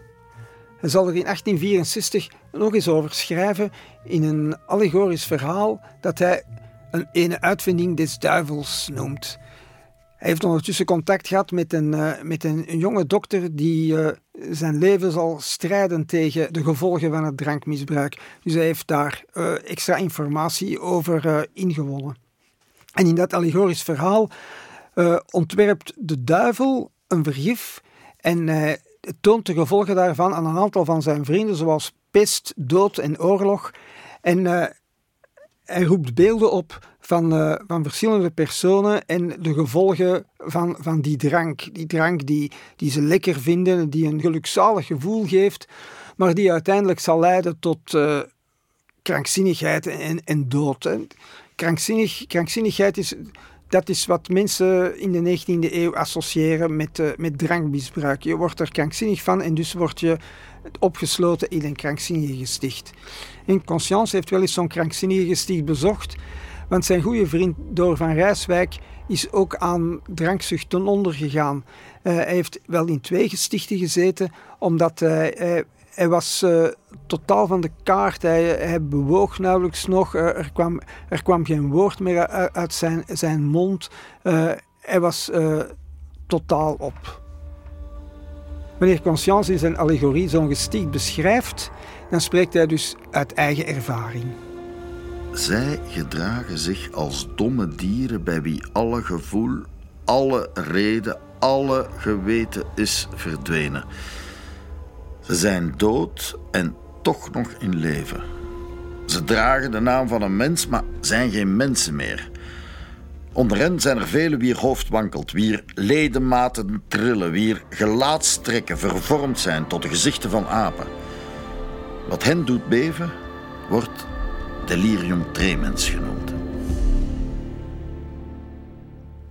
Delirium tremens, de ontwenningsverschijnselen van een alcoholverslaafde. Conscience is niet de eerste die deze term gebruikt, maar het helpt wel om de aandoening officieel te laten erkennen als een die behandeld dient te worden in een gesticht. Niet zolang daarna verklaarde de minister van Justitie formeel dat het een aandoening was die een legale opname in een krankzinnige gesticht toestond. Interessant is ook dat Conscience het in zijn beschrijving van een dergelijk gesticht over verschillende types van dronkaards heeft: arbeiders, maar ook intellectuelen, en deze laatste hebben alle verstand en reden verloren door het nuttigen van een hoogst merkwaardig drankje. Al deze ellendige schepsels waren eens machtig door hun reden, machtig door hun intelligentie. Wat zijn ze nu? Een klomp gevoelloos vlees, minder intelligent dan het meest stupide dier. Zij vermengden het gif met groene kruiden en gaven het de naam Absinthium helveticum en versterkte zo zijn kracht op de ziel zonder de kracht op het lichaam te verminderen. Absint, jawel. Merkwaardig toch, want in 1864 werd er in België nog maar zeer weinig aandacht besteed aan dat drankje en zijn veronderstelde geestvernietigende eigenschappen. Maar Conscience kende dat drankje nog van in zijn soldatentijd, want uh, hij had er ooit eens drie glazen moeten van drinken van zijn overste om te bekomen van de landziekte. En zo zie je maar dat het werk van Conscience ook in medisch-historisch opzicht meer dan de moeite waard is. En niet alleen in medisch-historisch opzicht hoor. Ook wie geïnteresseerd is in sociale geschiedenis komt in het werk van Conscience ruimschoots aan zijn trekken. Want nauwelijks twee maanden nadat hij De Plaag der Dorpen heeft gepubliceerd, komt hij alweer met een nieuwe roman. Het geluk van rijk te zijn. Deze keer speelt het verhaal zich af in Antwerpen en is ontzettend boeiend voor wie een studie wil maken over het leven in Antwerpen anno 1855. Hè. Hoe de burgers gingen buiten de stad wandelen, naar, naar herbergen buiten de stad, zoals de Dikke Mee of Jan Stek. Of hoe in de steegjes de, de, de meisjes kantklosten. Uh, en iets heel speciaals, uh, de jaarlijkse mezenvangst. Uh, we ons dat nu toch moeilijk voorstellen, dat men mezen zou vangen en die dan uh, klaarmaken in een braadpan. Maar in België mocht dat dus uh, tot in 1873. En in de maand oktober gingen de mensen van de mezenvangers op stap. En uh, zij, vooraan liep, liep een man met een uil in een kooi en en die uil maakte dan lawaai en dan werden de, de mezen opgeschrikt. En alle mezen, de mezenvangers liepen rond met stokken met lijm en probeerden op die manier mezen te vangen. En die mezen kleefden aan hun stokken.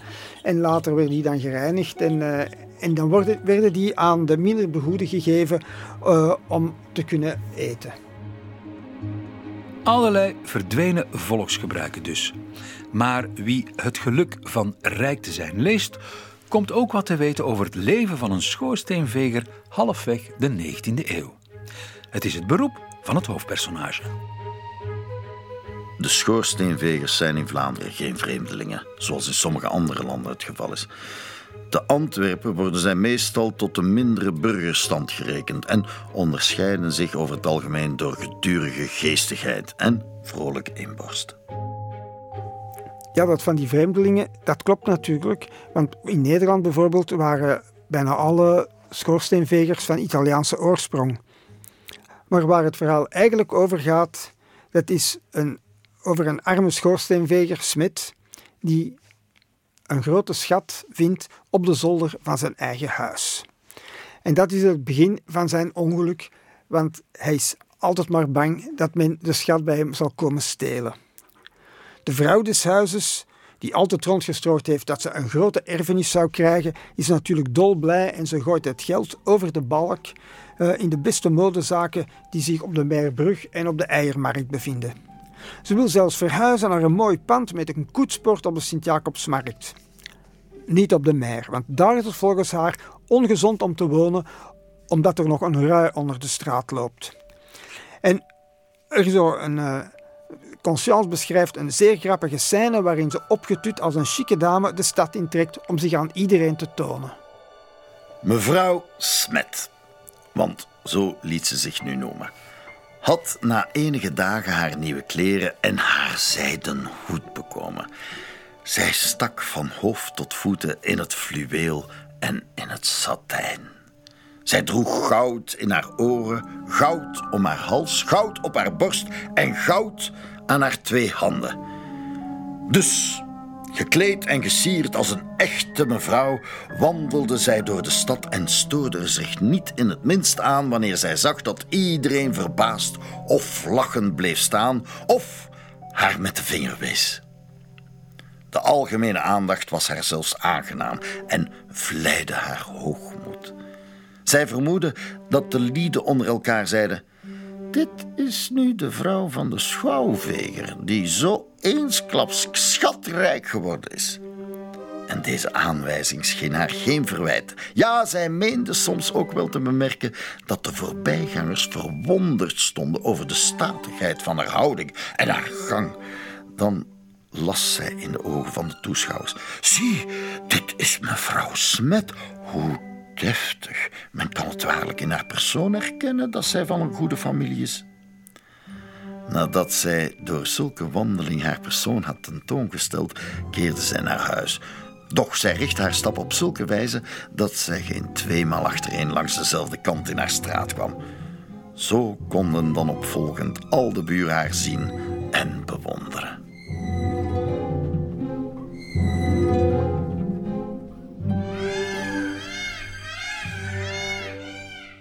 Het is een scène die zo uit een roman van Charles Dickens had kunnen komen. Conscience niet grappig? Soms wel. Helaas wordt ook deze roman weer afgesloten met een strenge zedenles dat geld niet gelukkig maakt.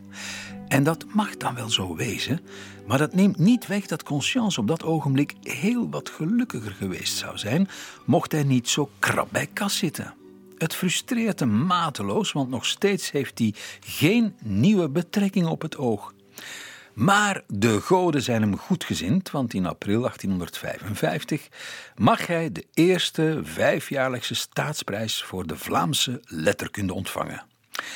Daar hoort naast de eer nog een flink geldbedrag bij. En dat kan hij zeer goed gebruiken, want op 17 april heeft hij er weer een mondje bij om te voeden. Een nieuw dochtertje, Clara. En misschien is het wel die heugelijke gebeurtenis die hem die zomer weer aan het schrijven zet. Die zomer zet hij een nieuwe roman op poten over een gezin dat door het noodlot getroffen wordt en allerlei ongelukkige zaken meemaakt. En de roman heet Moeder Job, naar de moeder die in Gods oneindige goedheid gelooft en denkt dat alles altijd op haar pootjes gaat terechtkomen. Haar echtgenoot daarentegen, Baas Job, ziet alles zwartgallig in en denkt dat alles steeds zal mislopen. En misschien heeft Conscience daar iets van zichzelf ingelegd, want hij zit op dat moment nog altijd te wachten op een, op een job die toch niet komt. Een van de grote problemen in het verhaal is, een, is, een, is een, een kind dat al langdurig ziek is en voortdurend tegen de dood vecht. Het is een, het is een strijd die Conscience en Minette zelf ook hebben, hebben meegemaakt, die slecht is afgelopen, maar ondertussen is er een, een nieuw dochtertje gekomen. Dus misschien is dat dan een beetje de goede afloop die ook in dit boek er is. In dit boek gaat het kind niet dood, het kind overleeft. En misschien is dat een, is het, was dat voor Minette toch wel een, een blijdschap, een, manier om over het verlies van haar machtel te komen. En het boek eindigt met de woorden van moeder Job zelf, woorden die vandaag uh, al erg stichtend, religieus of fatalistisch zullen klinken. Maar voor die 19e-eeuwse lezers zullen ze, die zullen daar zeker kracht uit geput hebben. Kinderen, lieve kinderen, en gij die mijn beminde echtgenoot zijt, vergeet toch nooit de les van deze dag. Wat u ook bedroevends in het leven overkomen, blijft op Gods goedheid betrouwen. En zegt altoos in uzelf: het zal wel beter gaan. Wie deze woorden in zijn hart geschreven houdt, is sterker dan het ongeluk, want ze zijn een onuitputtelijke bron van macht en moed.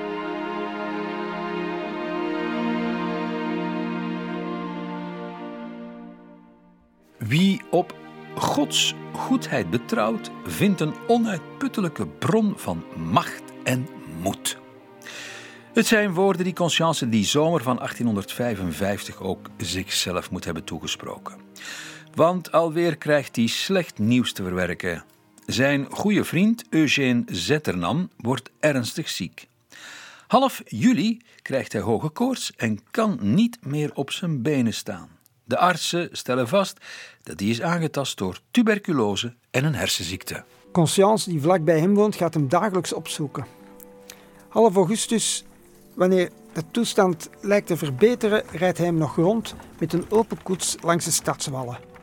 Hij hoopt dat hem dat zal opmonteren, maar aan het eind van het tochtje stort Zitterland toch weer in. En zijn toestand gaat dan snel achteruit.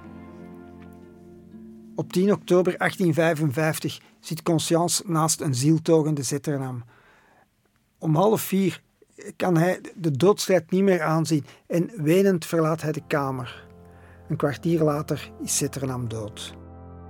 Tot op het laatste ogenblik heeft hij de moed er weten in te houden, zoals Conscience op zijn begrafenis zou getuigen. Hij sprak van het Dietse vaderland, van de gekrenkte rechten van het volk, van een nog heter strijd En van nog meer arbeid.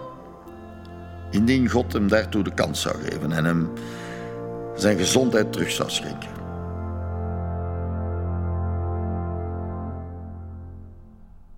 Zitternaam was pas 29 jaar. Toen 21 jaar na zijn dood zijn verzameld werk verscheen, besloeg het meer dan duizend pagina's. Zitternaam had zich letterlijk en figuurlijk kapot gewerkt. Conscience zet op het graf zelf een oproep om de behoeftige kroost van zijn vriend met de financiële bijdrage te steunen.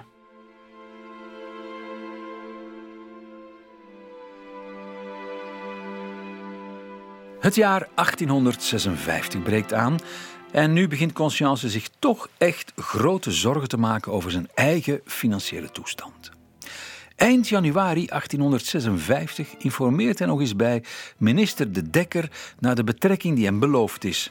Maar die laat weten dat een vaste betrekking er nog steeds niet in zit, maar dat hij wel een zoethoudertje voor hem heeft. Hij benoemt hem tot lid van de commissie die de grote jubelfeesten moet organiseren ter ere van de 25e verjaardag van de etaflegging van koning Leopold.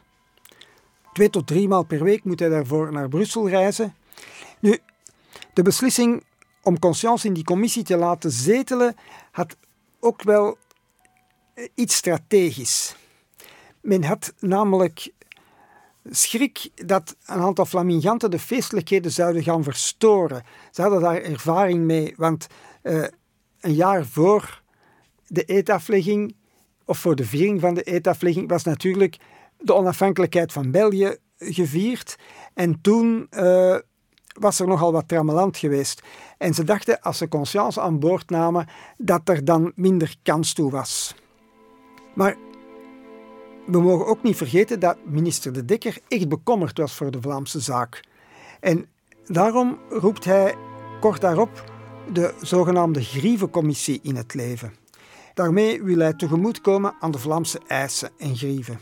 En hij selecteert daarvoor negen mensen die de grieven in kaart moeten brengen en oplossingen aanbieden. Wel, op de eerste vergadering is de dekker aanwezig en hij waarschuwt hen om toch maar niet te hard van stapel te lopen en vooral geen maatregelen voor te stellen die in het parlement toch niet zouden kunnen verdedigd of ondersteund worden. Nu, de onderwerpen waar de commissie zich zal over buigen zijn onderwijs, gerechtszaken en administratie. En het leger. De voorzitter is een Vlaams gezinde Waal, Lucien Jotran, en dat was nog een van de revolutionairen van 1830. Maar die had bijvoorbeeld ook al de, de krant Vlaams-België ondersteund, dus dat was eigenlijk wel uh, een, uh, een goede figuur om, om de zaak in goede banen te leiden. Onder die leden zaten Michiel van der Voort, die destijds nog de Olijf had opgericht, Jan-Baptiste David en Frans-Hendrik Mertens en uiteraard ook Conscience en Snellaert die zich samen over het leger zouden buigen. Conscience schreef een tekst over de gevolgen van het uitsluitelijk gebruik der Franse taal in het Belgisch leger. En dat was, was meteen ook de langste, de langste tekst die, die de Grievencommissie uh, geproduceerd heeft. Hij kloeg erover dat de Vlaamse lotelingen hun opleiding uitsluitend in het Frans kregen, dat ze dikwijls onterecht gestraft werden omdat ze de opdracht niet begrepen hadden, dat ze geen onderofficier of corporaal konden worden omdat men daarvoor Frans moest kunnen schrijven. En hij had er ook wel problemen mee dat officieren en onderofficieren meestal de taal der meerderheid van de bevolking niet machtig waren. Daarom legde hij een tienpuntenprogramma voor, waarin onder meer voorgesteld werd dat graden in het leger bij voorkeur toegekend zouden worden aan wie beide landstalen kenden. Conscience Snellert suggereerde ook om bijvoorbeeld Vlaamse regimenten in Vlaamse provincies en Franse regimenten in Waalse provincies te leggen. Dat leek hen logisch.